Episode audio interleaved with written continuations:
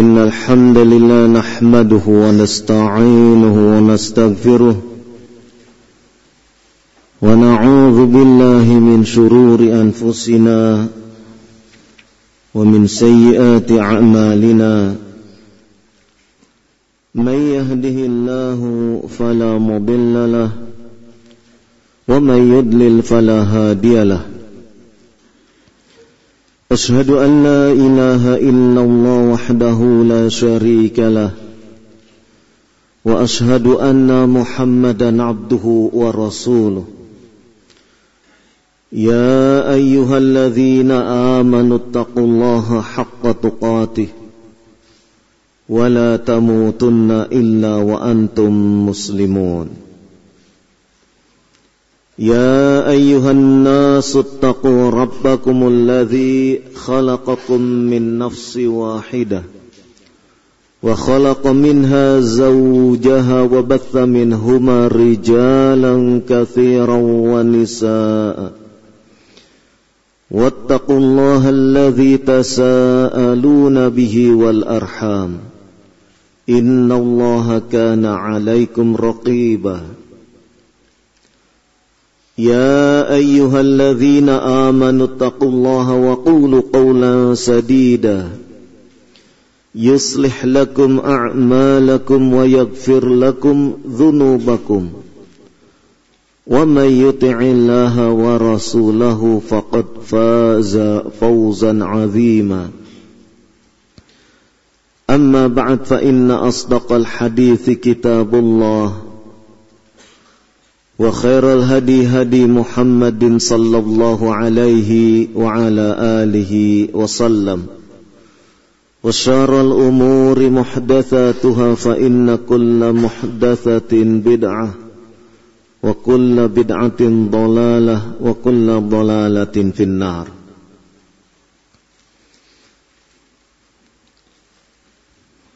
Ketika malaikat Jibril yang menyerupakan seorang laki-laki datang ke hadapan Nabi sallallahu alaihi wa ala alihi wasallam.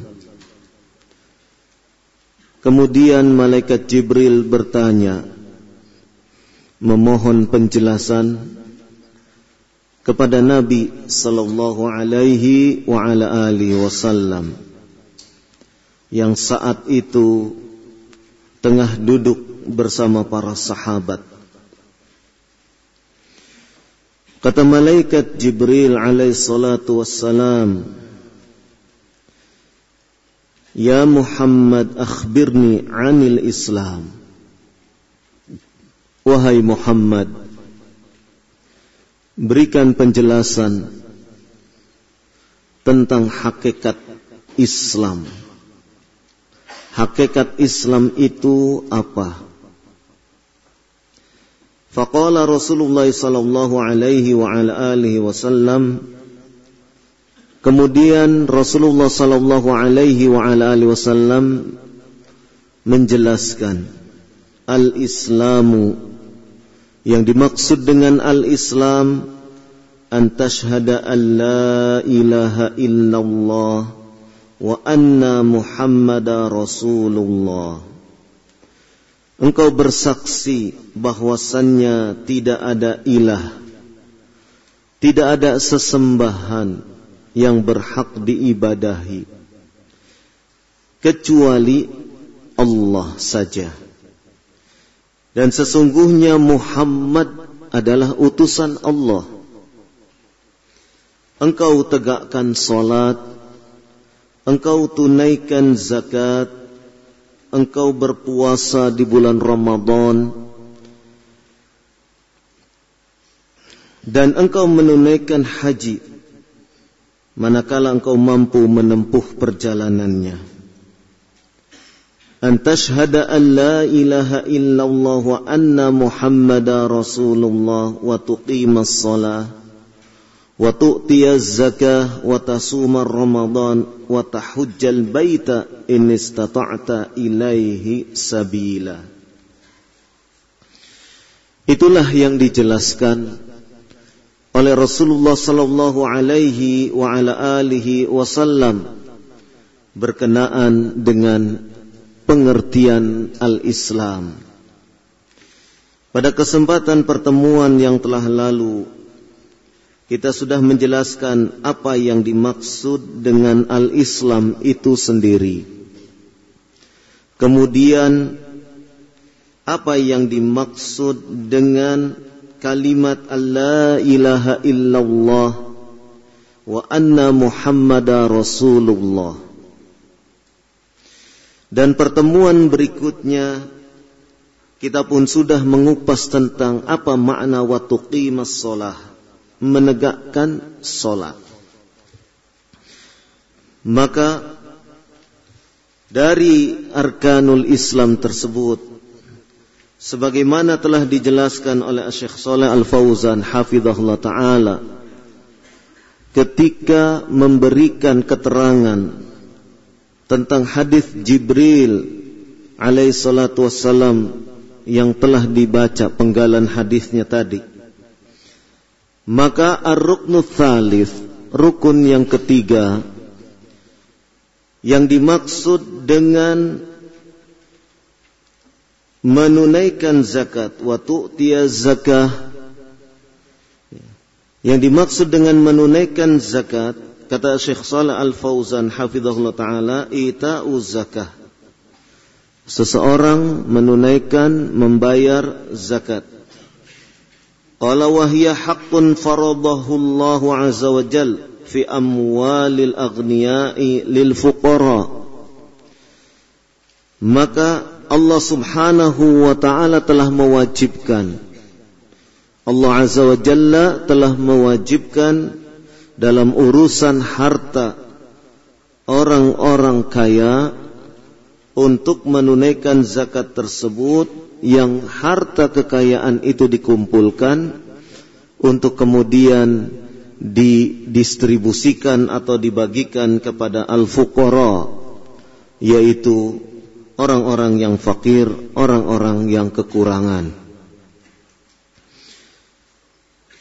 Di dalam surat Az-Zariyat ayat ke-19 Allah Subhanahu wa taala berfirman amwalihim haqqul lisaili wal marhum.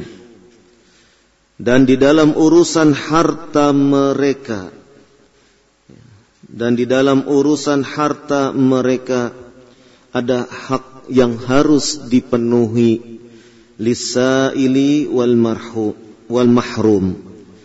Ya, yaitu hak yang harus ditunaikan kepada lisail orang yang meminta-minta orang miskin yang memang meminta-minta. Wal mahrum dan orang yang miskin namun menahan diri untuk tidak meminta-minta. Demikian juga di dalam surat Al-Ma'arij ayat ke-24 dan 25 Allah Subhanahu wa taala berfirman walladzina fi amwalihim haqqum ma'lum lisaili wal mahrum. Dan orang-orang yang telah disiapkan dalam hal urusan harta mereka telah disiapkan bagian tertentu. Telah disiapkan bagian tertentu untuk siapa? Lisail orang miskin yang meminta-minta terang-terangan meminta wal mahrum orang miskin yang menahan diri untuk tidak meminta-minta. Qala fahiya haqqun wajibun maka itu adalah merupakan sesuatu yang wajib walaisat sunnatan penunaikan hak yang wajib untuk dilakukan dan bukan merupakan hukumnya sunnah atau mustahabbatun atau mustahabbatan atau tabarruan. Ya, bukan pula itu sifatnya mustahab ya, sunnah atau bukan pula itu merupakan satu bentuk derma. Faman addaha bitibi nafsi qubilat minhu waman imtana'a min adaiha fa in kana munqiran liwujubiha fahuwa kafir barang siapa ya, yang menunaikan zakat tersebut dengan penuh kerelaan maka akan diterima zakat tersebut.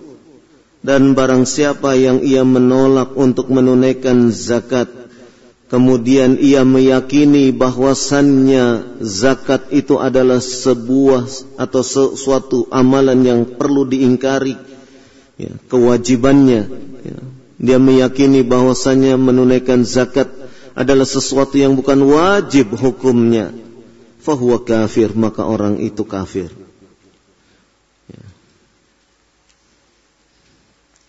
Wa in kana mu'tarifan biwujubiha barang siapa ia mengetahui tentang hukum wajibnya menunaikan zakat walakin mana'ahu al-bukhlu min ikhrajiha akan tetapi ia menolak dengan sebab dirinya bakhil pelit untuk mengeluarkan zakat tersebut. Fa innahu yajibu ala waliyil amri maka wajib atas pemerintah Islam dalam hal ini ayakhudhaha minhu qahran wa yu'azzirahu wa yu'addibahu maka pemerintah Islam dalam hal ini berhak untuk mengambil secara paksa dan kemudian memberikan pendidikan kepada orang tersebut. Wa in kana ma'ahu syaukatun wa junudun wa uddatun yamtani'u bihim apabila orang yang memiliki harta tersebut adalah orang yang memiliki kemampuan untuk menolak dengan mengerahkan segala kekuatan yang ada pada dirinya, baik itu tentara, pengamanan, ya, dia memiliki satpam, dia memiliki kekuatan ya, bersenjata, dia memiliki kekuatan untuk membangkang, tidak mau menunaikan zakat. Fa'ala walil amri ayyujayyishal jaisa liqitalihi hatta yuaddiya zakah. Maka bagi pemerintah Islam berhak untuk memaksa dengan mengerahkan pasukan untuk ya, memerangi orang yang menolak zakat tersebut, menolak untuk melaksanakan zakat tersebut. Qala kama qatala Abu Bakrin As-Siddiq radhiyallahu anhu mani'u zakah fi khilafatih sebagaimana yang dilakukan oleh khalifah Abu Bakar As-Siddiq radhiyallahu anhu tatkala beliau memangku jabatan sebagai khalifah beliau pun memerangi orang yang enggan untuk menunaikan zakat. Amma amma idza kana yajhadu wujubaha wa yaqulu laysatiz zakatu wajibah. Adapun orang yang mengingkari kewajiban berzakat. Dan ia menyatakan zakat itu bukan perkara wajib. Wan nasu ahrarun fahada yustatabu. Maka orang itu pun kemudian diberi kebebasan dan orang itu pun ya, diminta untuk bertobat.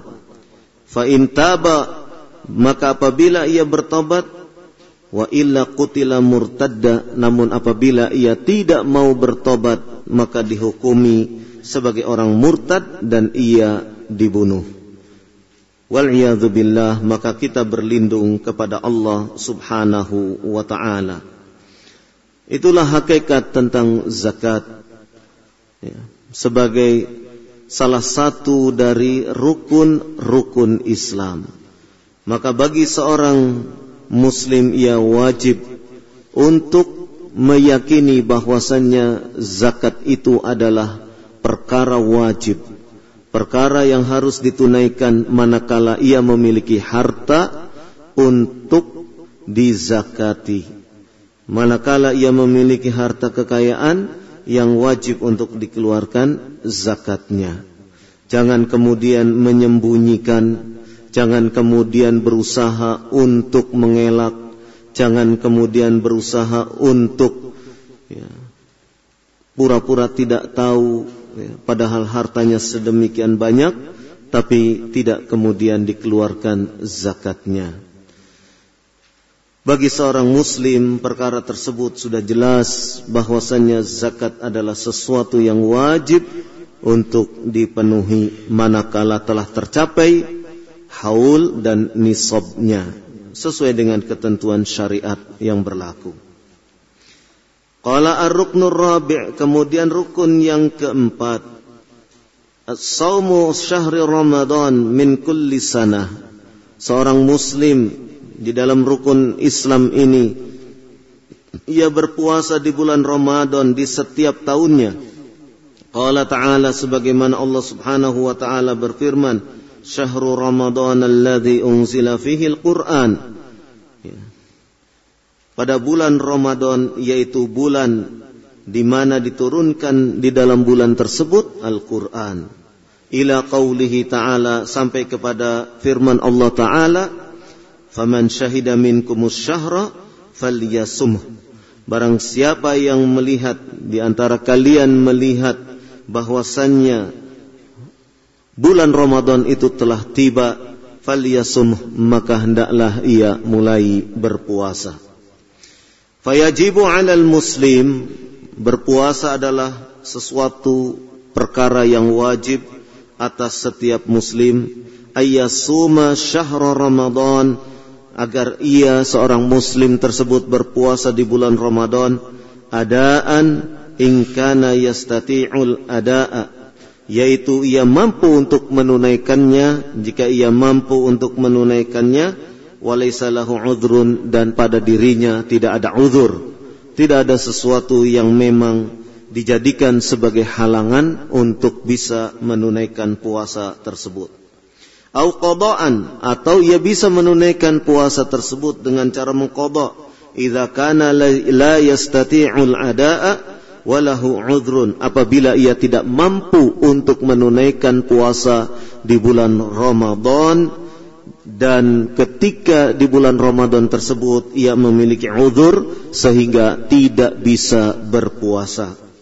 Maka ia menunaikan qada yaitu mengganti sebanyak hari yang tidak ia menunaikan puasa pada hari tersebut di bulan lain yaitu di hari lain. Qala ta'ala allah subhanahu wa ta'ala berfirman wa man kana maridan aw ala safarin fa iddatu min ayamin ukhra. Min ayamin ukhra. Al-baqarah 185 barang siapa yang dalam keadaan sakit atau dalam keadaan safar bepergian fa min ayamin 'ukhar, maka hendaklah bila dalam bepergian atau sakit tersebut ia tidak mampu berpuasa ia mengganti hari-hari di mana ia tidak berpuasa pada hari-hari lain di luar bulan Ramadan. Fal maridu wal musafir yuftirani wa yaqdiyani. Maka orang yang sakit, orang yang sedang berpergian boleh berbuka dan ia kemudian hendaknya mengqadha mengganti puasanya tersebut di hari yang lain.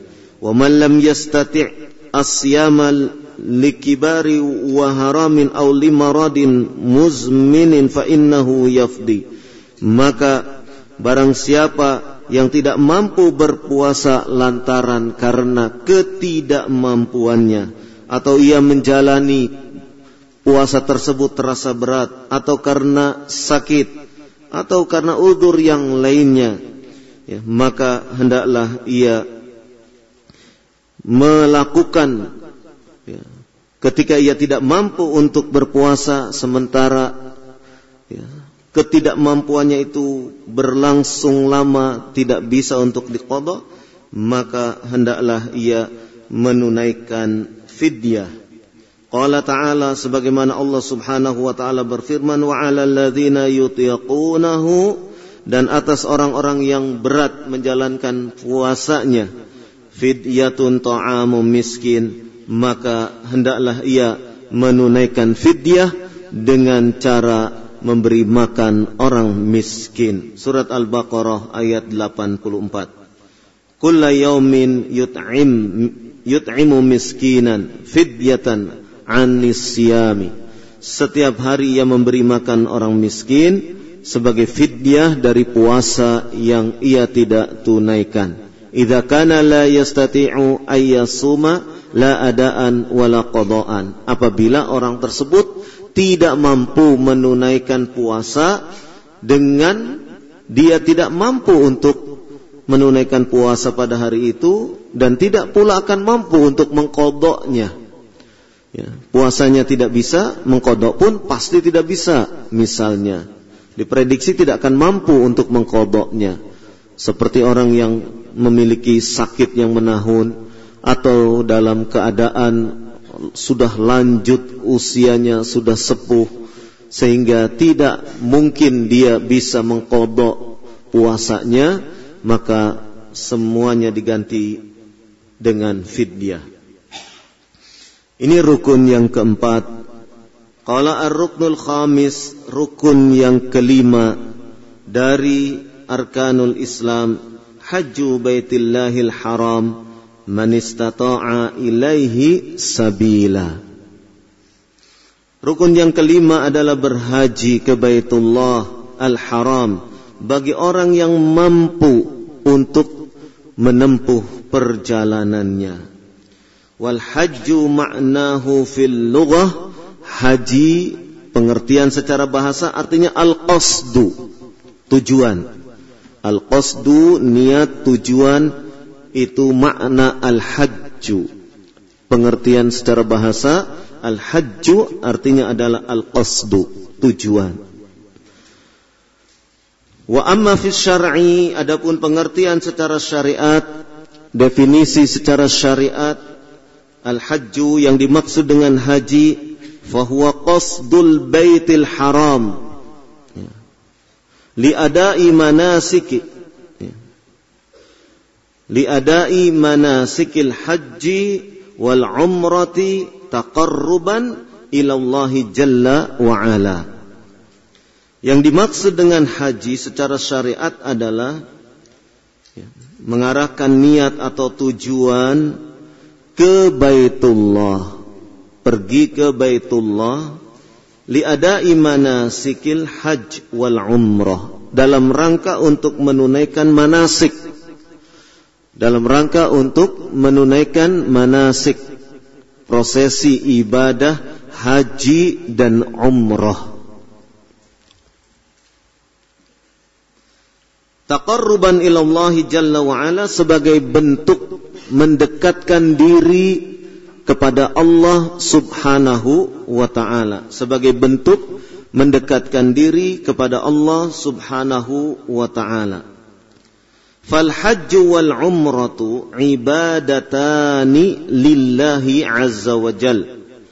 Haji dan umrah adalah dua ibadah. Dua ibadah lillahi yang ditujukan hanya kepada Allah Azza wa Jal. Walakin makanahuma wa, wa, wa mahillahuma fil masjidil haram wa ma haulahu minal masyair. Akan tetapi tempat untuk pelaksanaan haji dan umrah tersebut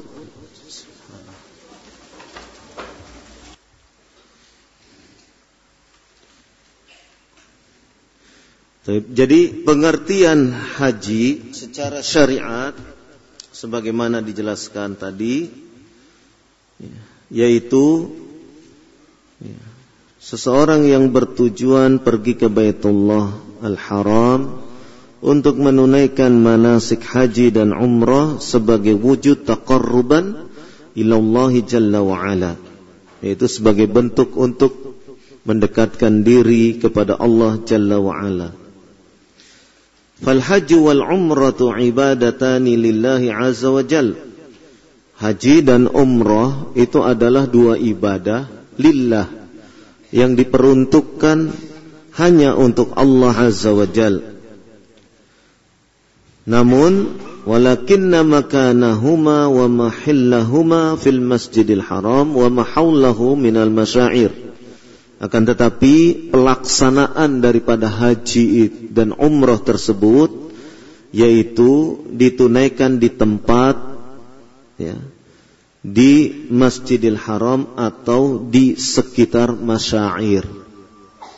Ya, di Masjidil Haram ya, yaitu prosesi ataupun pelaksanaan manasik meliputi tawaf Ya.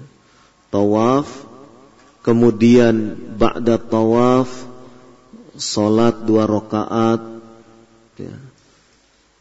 dengan membaca rakaat pertama Al-Fatihah dan surat Al-Kafirun. Kemudian rakaat yang kedua membaca Al-Fatihah dan surat Al-Ikhlas. Salat di belakang makam Ibrahim. Ya. Bukan makam ya, tapi makom. Ya, bukan makam, makam kuburan maknanya bukan, tapi makom. Ya, tempat berdirinya Nabi Ibrahim alaihissalatu wassalam di belakang itu atau di sekitar Masjidil Haram manakala tidak mendapatkan tempat di belakang makam Ibrahim. Nah ini yang ditunaikan di Masjidil Haram. Kemudian setelah itu ya, seseorang boleh mengambil air zam-zam, meminum dan menyiramkannya ke atas kepala, kemudian beranjak ke Bukit Sofa. Ya, beranjak ke Bukit Sofa untuk melakukan sa'i. Ya, sa'i yaitu tawaf. Kalau tadi tawaf tujuh putaran, sa'i pun tujuh kali putaran. Dari Sofa ke Marwah dihitung satu kali, dari Marwah, Bukit Marwah ke Bukit Sofa dihitung satu kali, jadi dua kali dari Bukit Sofa ke Marwah lagi ke Bukit Marwah lagi menjadi tiga kali dan seterusnya sampai tujuh kali berakhir di Bukit Marwah. Ini proses proses sa'i.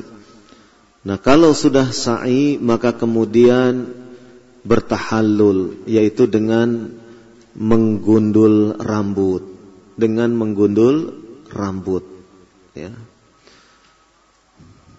boleh juga dengan mukasir memendekkan saja. Memendekkan rambut, memendekkan secara merata rambut yang ada di atas kepala. Ya.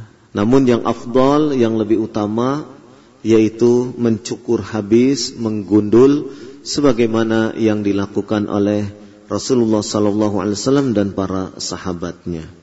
Meskipun ada di antara para sahabat yang hanya memendekkannya. Maka setelah proses ya, tawaf, salat dua rakaat, kemudian minum air zam-zam dan menyiramkannya, kemudian sa'i, setelah itu tahalul. Inilah yang disebut dengan umroh. Ini yang disebut dengan umroh. Ya. Kemudian di sini disebutkan wa ma haulahu minal masyair dan tempat-tempat untuk berhaji di sekitar masyair. Ya, yaitu yang dimaksud dengan masyair yaitu Mina, ya, Muzdalifah, Arafah itu disebut dengan masyair.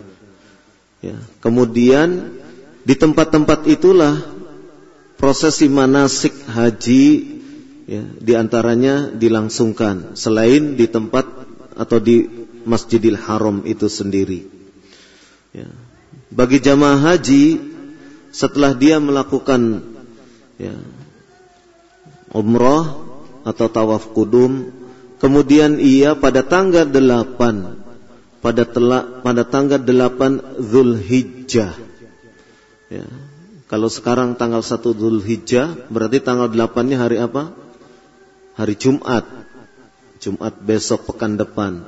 Hari Jumat itu tanggal 8. Maka posisi pada tanggal 8 para jamaah haji sedang dalam keadaan di Mina. Ya, yang mengikuti tarwiyah. Yang mengikuti tarwiyah. Ya. Jadi pagi hari berangkat dari maktab atau dari hotel menuju ke Mina. Ya. Di Mina jamaah haji melakukan tarwiyah. Apa yang dilakukan pada tanggal 8 di Mina oleh jamaah haji? Jamaah haji melakukan solat dengan mengkosor untuk solat yang empat rakaat di masing-masing waktunya. Waktu duhur solat dua rakaat. Nanti waktu asar solat asar di kosor dua rakaat dan seterusnya. Keesokan harinya tanggal 9 tanggal 9 Zulhijjah ya, keesokan harinya tanggal 9 Zulhijjah jamaah haji berangkat dari Mina menuju ke Arafah. Ya, berangkat ke Mina untuk berangkat dari Mina ke Arafah untuk apa? Untuk menunaikan wukuf. Wukuf di Arafah. Bagi orang yang tidak berhaji dituntunkan oleh Nabi Shallallahu Alaihi Wasallam untuk berpuasa Arafah, untuk berpuasa Arafah. Ya. Al-Hajju Arafah. Haji itu adalah Arafah. Jadi semua jamaah haji ketika tanggal 9 Zulhijjah semuanya dikonsentrasikan atau diarahkan ke Arafah karena akan menunaikan wukuf di Arafah tersebut. Bahkan jamaah haji yang dalam keadaan sakit dirawat di rumah sakit sedang proses dirawat di rumah sakit oleh petugas medis diberangkatkan didorong pakai apa namanya bukan kursi roda apa ya tempat tidurnya yang bisa didorong ya semua itu fasilitas disediakan oleh pemerintah kerajaan Saudi Arabia ya. nah, semua fasilitas itu di, disediakan secara gratis cuma-cuma ya untuk para jamaah haji kalau sampai ada yang harus operasi bypass jantung pun gratis semua. Kalau di sini bayarnya puluhan juta, di sana gratis semua. Tapi jangan berharap itu. Ya, jangan berharap itu. Berharap sehat saja. Ya. Nah, sehingga ya, yang sakit-sakit itu jamaah haji yang sebelum tanggal 8 tanggal 9 dirawat di rumah sakit oleh petugas kesehatan haji diberangkatkan. Pokoknya posisi semuanya dalam keadaan di Arafah. Ya, berada semuanya di Arafah. Wukuf di Arafah. Ya, karena al-haju Arafah. Haji itu adalah Arafah. Dan itu wajib untuk ditunaikan oleh semua jamaah haji. Ya, mulai wukuf yaitu mulai zawal ketika matahari telah tergelincir. Ya, ketika masuk waktu zuhur itulah dimulainya waktu wukuf di Arafah. Berakhir ketika guru syams, yaitu ketika matahari tenggelam, waktu maghrib tiba. Maka selesai wukuf. Setelah wukuf, ya, berarti sudah tanggal 10. Sudah masuk tanggal 10 karena pergantian hari di dalam kalender Islam mulai ba'da maghrib. Ba'da maghrib berarti sudah ganti hari ganti tanggal. Maka ketika tanggal 10 awal setelah maghrib jamaah haji berangkat ya, dari Arafah menuju ke Muzdalifah. Ya, menuju ke Muzdalifah. Di Muzdalifah apa yang ditunaikan? Di Muzdalifah ditunaikan di sana solat maghrib dan isya di jamak kosor ya di jamak qasar ditunaikan pada waktu isya ya. nah setelah menunaikan salat maghrib dan isya kemudian jamaah beristirahat di Muzdalifah yang mau tidur tidur ya. di Muzdalifah tidak ada tenda ya. kalau jamaah hajinya tidak membawa alas untuk tidur ya berarti tidur beralaskan ya, batu kerikil atau pasir. Ya. Tidak ada tenda berarti atapnya beratapkan langit. Ya. Jadi tidur di alam terbuka. Ya. Sampai besok, sampai waktu subuh tiba, sholat subuh dan disunahkan setelah sholat subuh berdoa yang agak panjang, agak lama. Sampai matahari nampak mulai terang ya, tidak terang sekali tapi sudah tampak terang sampai kondisi cuaca seperti itu, keadaan seperti itu, maka setelah itu jamaah haji beranjak dari Muzdalifah menuju ke Mina. Menuju ke Mina. Kalau mau sarapan di tenda bisa sarapan dulu. Ya, nanti waktu duha jamaah haji berangkat menuju ke Jamarot ya, menuju ke Jamarot. yang posisinya ada di Mina. Untuk apa? Untuk menunaikan jumroh akobah, melempar ya, dengan kerikil sebanyak tujuh buah dilempar setiap melempar mengucapkan takbir Allahu Akbar Allahu Akbar lempar lagi Allahu Akbar sampai selesai. Ya, itu jumrah akobah setelah menunaikan pelemparan itu ya, jamaah haji ya, turun dari tempat pelemparan ya, kalau ada yang mau cukur dulu cukur atau menyembelih ya, hadyur juga menyembelih kambingnya bisa Nah, tapi kalau realitas sekarang jamaah haji Indonesia tidak bisa menyembelih saat itu. Kondisi realita sekarang. Ya. Nah, sehingga ya, bagi jamaah haji yang akan menunda tawaf ifadahnya kembali ke tenda untuk kemudian menggundul rambutnya atau memendekkan rambutnya bertahalul bagi yang melanjutkan untuk tawaf ifadah dari tempat pelemparan uh, tempat pelemparan jamarot bisa melalui jalan kaki, jalan kaki sampai ke Masjidil Haram. Ya, jaraknya kurang lebih sekitar 5 km. Ya, dekat sekali, dekat tidak terasa.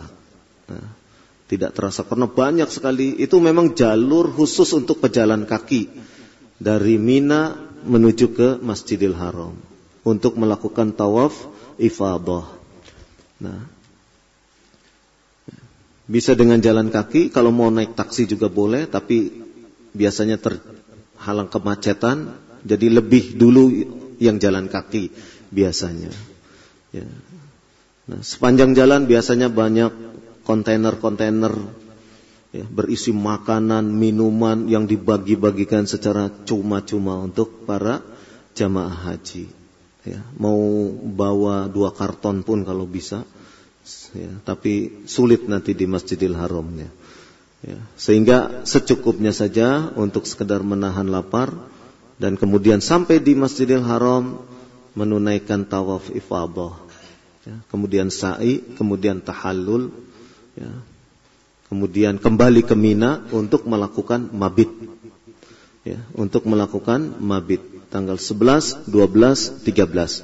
Boleh tanggal 11, 12 saja atau 3, 11, 12, 13. Nah, manakala selesai mabit ya, dengan setiap tanggal 11, tanggal 11 ba'da zawal melempar jumrah. Jumrah ula, jumrah wusta ya, dan jumrah akobah. Tiga-tiganya dilempar. Besoknya tanggal 12 melempar lagi ke Jamarot lagi. Besoknya lagi tanggal 13 melempar lagi. Maka setelah lemparan yang terakhir pada tanggal 13 jamaah haji kembali ke maktab atau hotelnya berarti ia sudah menyelesaikan ya, manasik hajinya. Ya. Bagi yang belum ke tawaf ifadah dia masih punya ya, kewajiban untuk menunaikannya nanti dilakukan setelah ya, kondisi memungkinkan setelah dia kembali ke maktabnya. Jadi itu sekitar ya, eh, prosesi ataupun manasik haji. Nah, banyak di antara jamaah haji di Indonesia yang terutama gelombang kedua, ya, mereka berangkat dari Indonesia ya sekitar dua pekan ataupun satu pekan menjelang tanggal 8 Zulhijjah. Ya. Nah, mereka dari Jeddah langsung ke Mekah. Ya. Mikotnya harusnya di ketika naik pesawat di Yalamlam. Tetapi banyak jamaah haji Indonesia yang kemudian mikotnya itu sudah turun dari pesawat berada di Jeddah. Ini yang sangat memprihatinkan. Kemudian lagi banyak jamaah haji Indonesia diarahkan bahkan terkesan dihalang-halangi untuk bisa menunaikan tarwiyah. Itu juga perlu mendapat perhatian. Meskipun di panduan Kementerian Agama dibolehkan, dibolehkan. Namun ada beberapa oknum, beberapa oknum ya, pembimbing hajinya yang tidak memperkenankan. Entah dengan berbagai macam alasan. Sehingga banyak jamaah haji Indonesia yang tidak melakukan tarwiyah. Jadi tanggal 8 Zulhijjah langsung ke Arafah. Langsung ke Arafah dan menginap semalam di Arafah. Nah, gitu. Padahal di Arafah tidak ada tenda yang ya, tenda yang mumpuni untuk menginap ya. Kalau hujan ataupun ada angin ya kedinginan. Ini wa mahaulahu minal masyair yaitu tempat-tempat yang disebut sebagai ya, tempat berlangsungnya prosesi manasik ya, haji itu sendiri.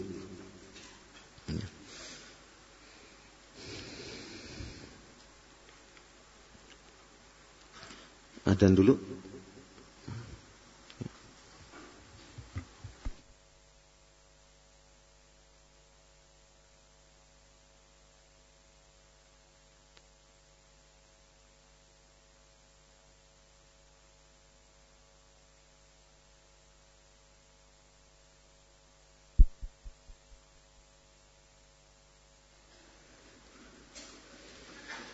Kemudian disampaikan oleh Syekh Saleh Al-Fauzan hafizahullah taala, "Falau annahu hajja ila ghairil Ka'bah."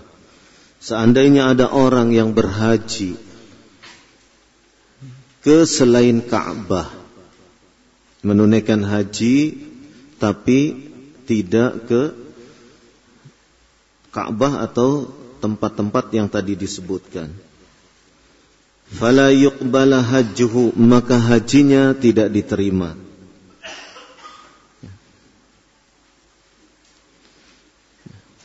Wa idza taqada annahu yahuju ila qabrin au ila dharih au ila binayatin au ila syajarin fa innahu yartaddu an dinil islam.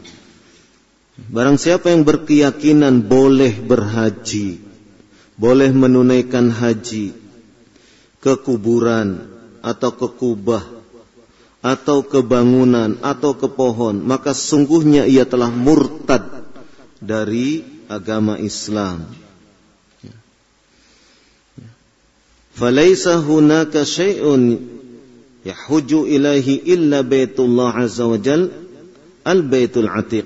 Maka tidak ada haji tidak ada haji kecuali ditunaikan ke Baitullah Azza wa Jal atau Baitul Atiq.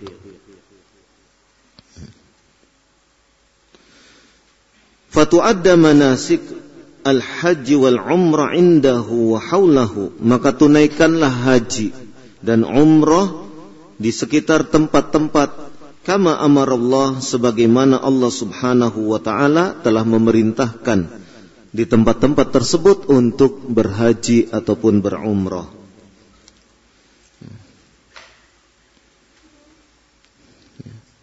Apakah ada orang berhaji selain ke Baitullah? Ya, selain ke Masjidil Haram, di eh, Ka'bah atau ke tempat-tempat masyair tadi. Di Indonesia ada, di Sulawesi Selatan. Orang pergi haji ke puncak Gunung Karaeng. Ya, sana ada tempat tawafnya.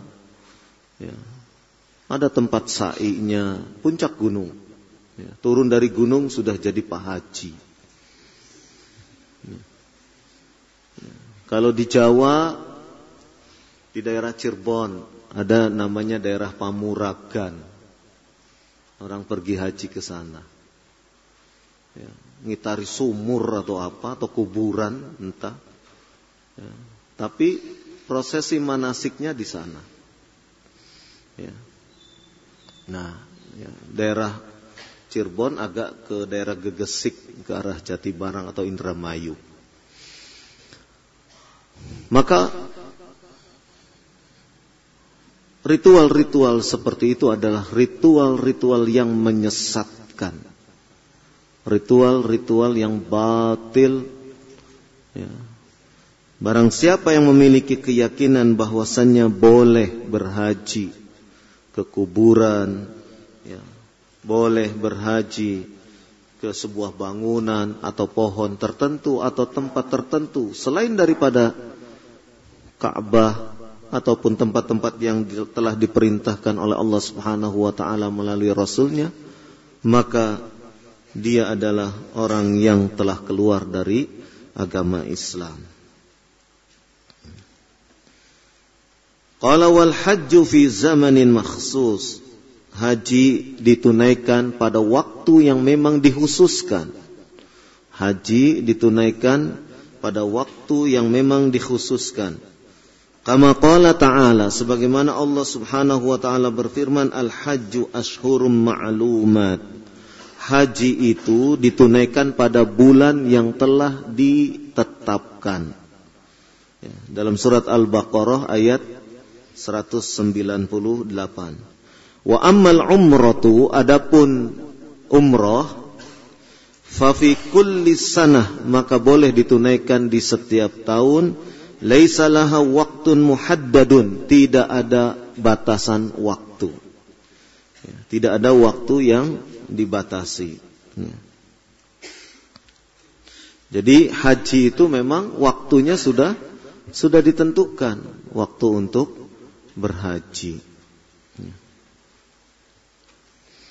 Qala wa qala ta'ala Allah Subhanahu wa taala berfirman Man istata'a ilaihi sabila. Dalam surat Ali Imran ayat 97 ya. Man istata'a ilaihi sabila bagi siapa atau siapa yang mampu menempuh perjalanannya lamma kana al-hajju yahtaju ila nafaqah wa yahtaju ila ma'unatin wa yahtaju ila safarin wa fihi masyaqqah ya. syaratallahu liwujubihil istita'ah ya. Haji itu membutuhkan nafkah. Haji itu membutuhkan perbekalan, makanan, minuman dan yang selainnya. Haji itu memerlukan safar, perjalanan. Ya. Dan di dalam perjalanannya fihi masyakoh. Di dalam perjalanannya banyak kesulitan-kesulitan. Ya. Walaupun haji pada masa sekarang, ya. kita jangan berbicara haji pada masa masa dulu sebelum ada pesawat terbang. Ya. Orang dulu pergi haji, orang dulu pergi haji itu naik kapal laut. Ya. Perjalanan kapal lautnya itu sendiri Ya, kalau zaman sekarang satu bulan. Ya. Misalnya berangkat dari Tanjung Priuk, nanti mendarat di Pelabuhan Jeddah, bisa ditempuh satu bulan. Zaman dulu bisa tiga bulan, bisa empat bulan, tergantung keadaan. Ya. Ya. Bahkan kalau kita membaca kisah-kisah haji orang zaman dulu, ya, di kapal tuh ada jamaah haji yang menikah. Ya. Ada terjadi pernikahan sebelum sampai ke Saudi, ya. menikah di kapal. Ya. ya ketemu jodohnya di situ. Ya, gitu. Allah memudahkan jodohnya di situ. Ya. Ada yang sakit, ada yang meninggal di kapal. Di mana dikuburnya? Ya dibuang ke laut. Ya. Dibebani kakinya untuk kemudian dibuang ke laut, dikuburnya. Itu haji orang-orang dahulu. Makanya tradisi haji di Indonesia, kalau orang mau berangkat haji, itu jamaah haji sudah capek duluan. Kenapa? Ya ada pesta dulu, ada uh, karib kerabat untuk melepas. Kenapa demikian? Karena tradisi terdahulu orang berangkat haji itu bukan seperti sekarang 40 hari sudah bisa kembali dengan izin Allah Subhanahu wa taala 40 hari. Tapi orang-orang dulu pergi haji, perjalanannya saja sudah memakan sekian bulan. Ya, nanti di Saudinya atau di tanah haramnya ya, lama beberapa bulan. Ya mungkin pulang pergi bisa minimal enam bulan baru kembali ke Indonesia atau bahkan ada yang setahun. Ya. Jadi menempuh perjalanan haji sedemikian ya fihi masyaqqah. Di dalam perjalanan itu banyak sekali ya, kesulitan-kesulitan, banyak sekali hal-hal yang ya, sangat di apa namanya bukan merupakan satu kemudahan. Ya. Karenanya Allah Subhanahu wa taala berfirman, "Man istata'a ilaihi sabila." Ya. Orang berangkat untuk berhaji yaitu bagi orang yang mampu menempuh perjalanannya.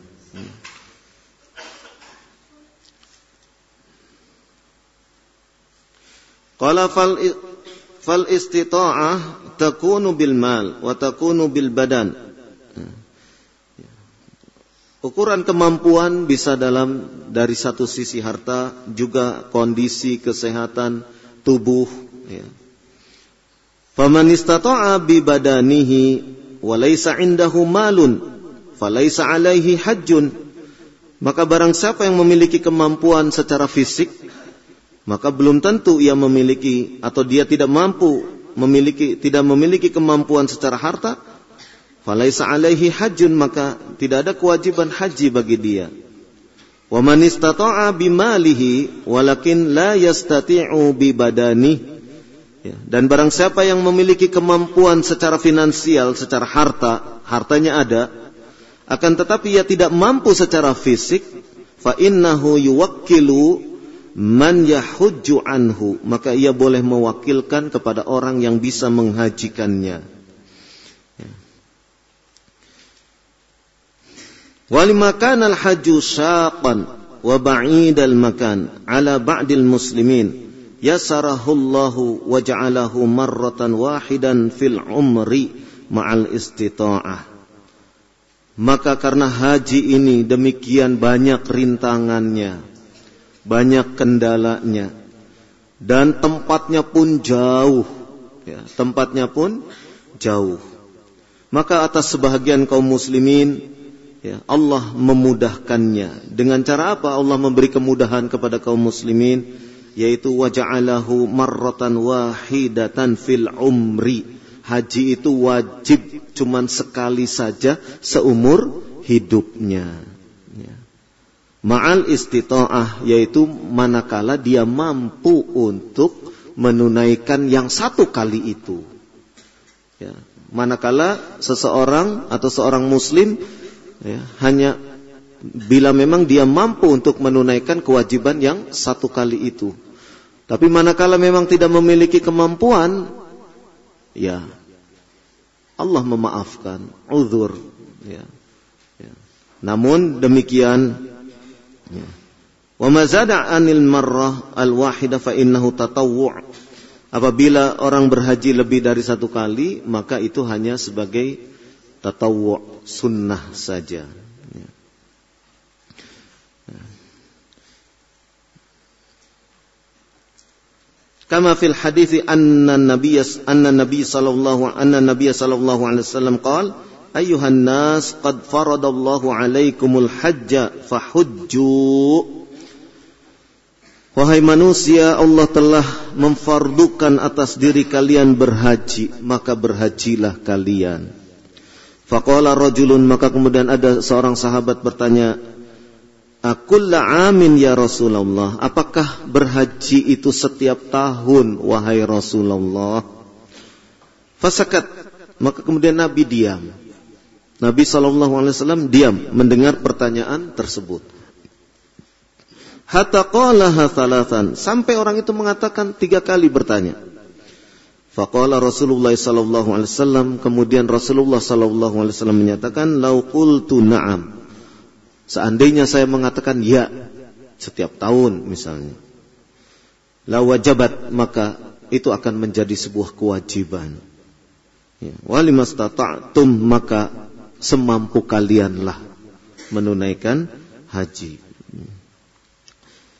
Qala fal hajju marrat fal hajju marratun wahidatun. Haji itu wajibnya sekali saja Walillahil ham kita memuji pujian itu hanya bagi Allah. Ya. Wa huwal fardu dan ini adalah sesuatu yang fardu. Wa 'anil marrah fa huwa tatawwu'.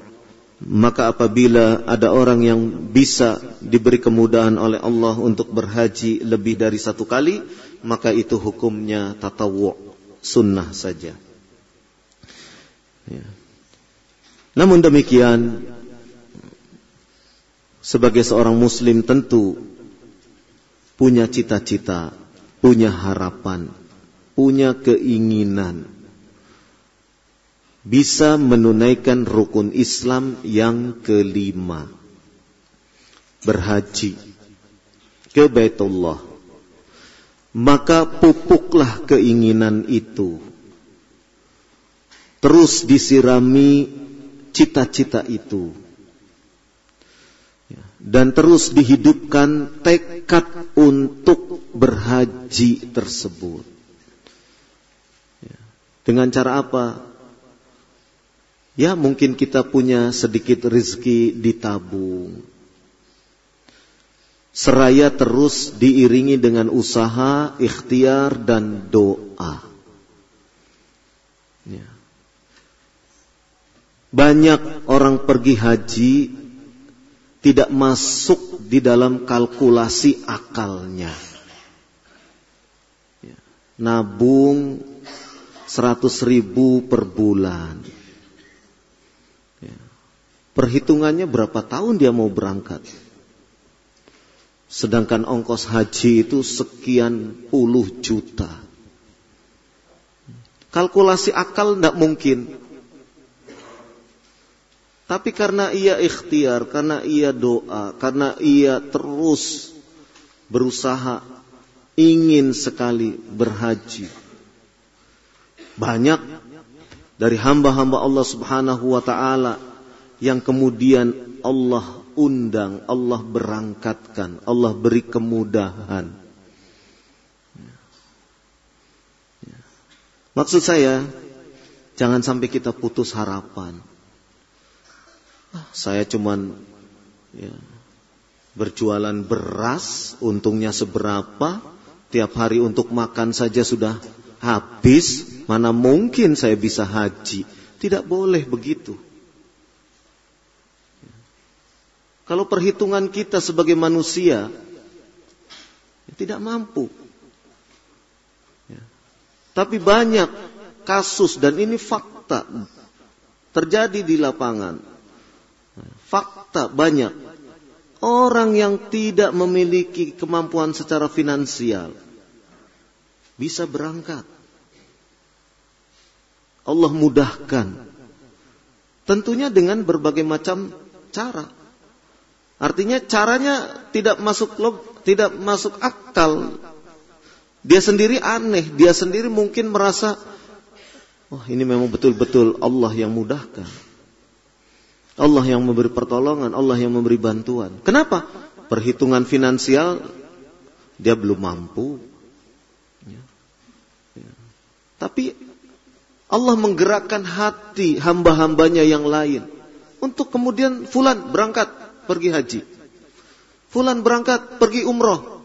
Allah gerakkan hati hamba-hambanya yang lain.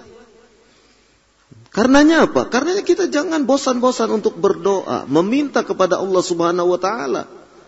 Ya Allah berikan ya, aku dan keluargaku, kami sekeluarga agar bisa menjadi hamba-hambamu yang berziarah ke tanah haram menunaikan ibadah, umrah, ibadah, haji Berdoa terus. Jangan patah semangat. Jangan patah arang. Hanya mengkalkulasi kemampuan diri. Allah karim. Allah ghani. Allah maha pemurah. Allah maha kaya.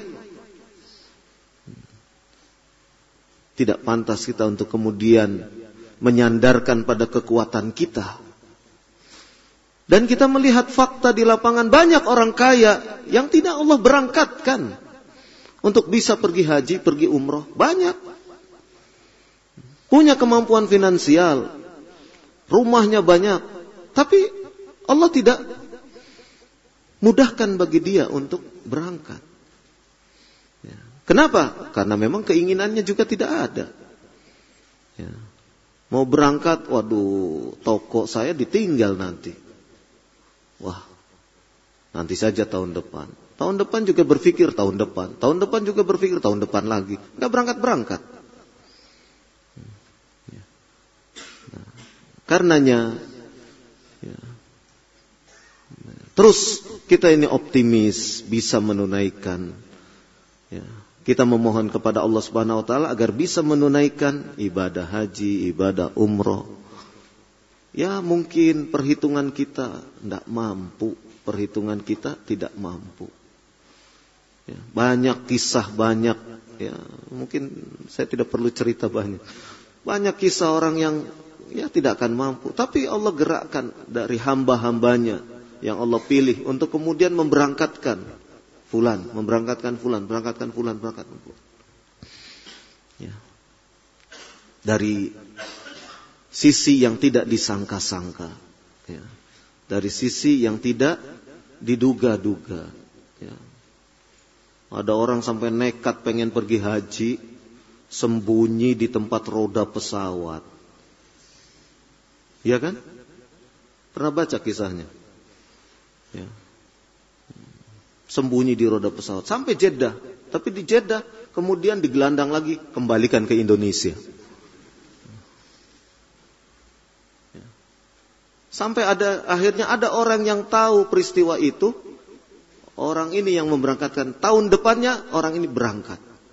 Resmi sebagai jamaah haji Indonesia. Tapi kita jangan senekat itulah. Ya. Jangan senekat itu. Tapi yang kita petik semangatnya, spirit, ya, keinginan untuk bisa menunaikan apa yang diperintahkan oleh Allah Subhanahu Wa Taala sedemikian kuat. Itu yang kita ambil pelajaran. Bagaimana kita tidak kemudian merasa lemah, kemudian kita merasa putus asa dengan keadaan diri kita, lantas kita membuyarkan keinginan dan cita-cita kita untuk bisa pergi haji, pergi umroh. Jangan.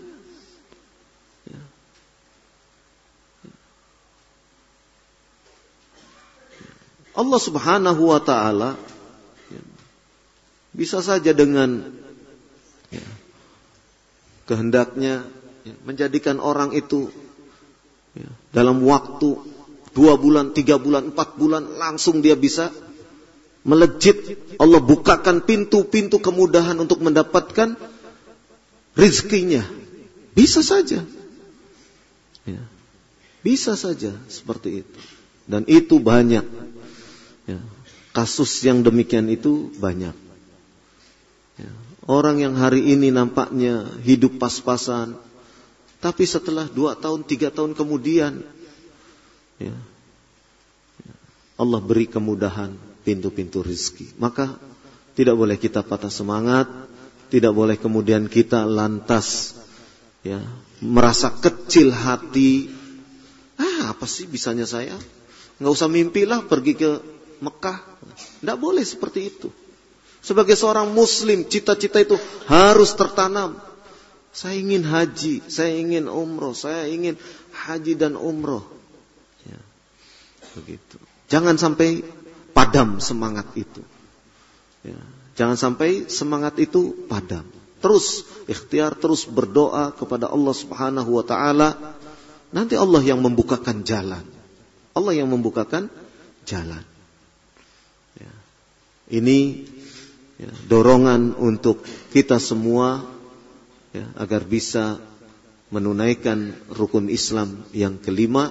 Dan mudah-mudahan kita mendapatkan haji yang mabrur. Karena tidak ada balasan lain bagi haji yang mabrur kecuali jannah. Kecuali jannah. Mudah-mudahan Allah Subhanahu wa taala memberikan kekuatan kepada kita, membimbing kita untuk senantiasa bisa istiqamah dan bisa menunaikan apa yang dititahkan, apa yang diperintahkan, apa yang diwajibkan kepada kita semua. Wallahu a'lam bishawab. Mudah-mudahan bermanfaat. Subhanakallahumma wa bihamdik asyhadu an la ilaha illa anta astaghfiruka wa atubu ilaik. Wassallallahu ala nabiyyina Muhammad walhamdulillahi rabbil alamin.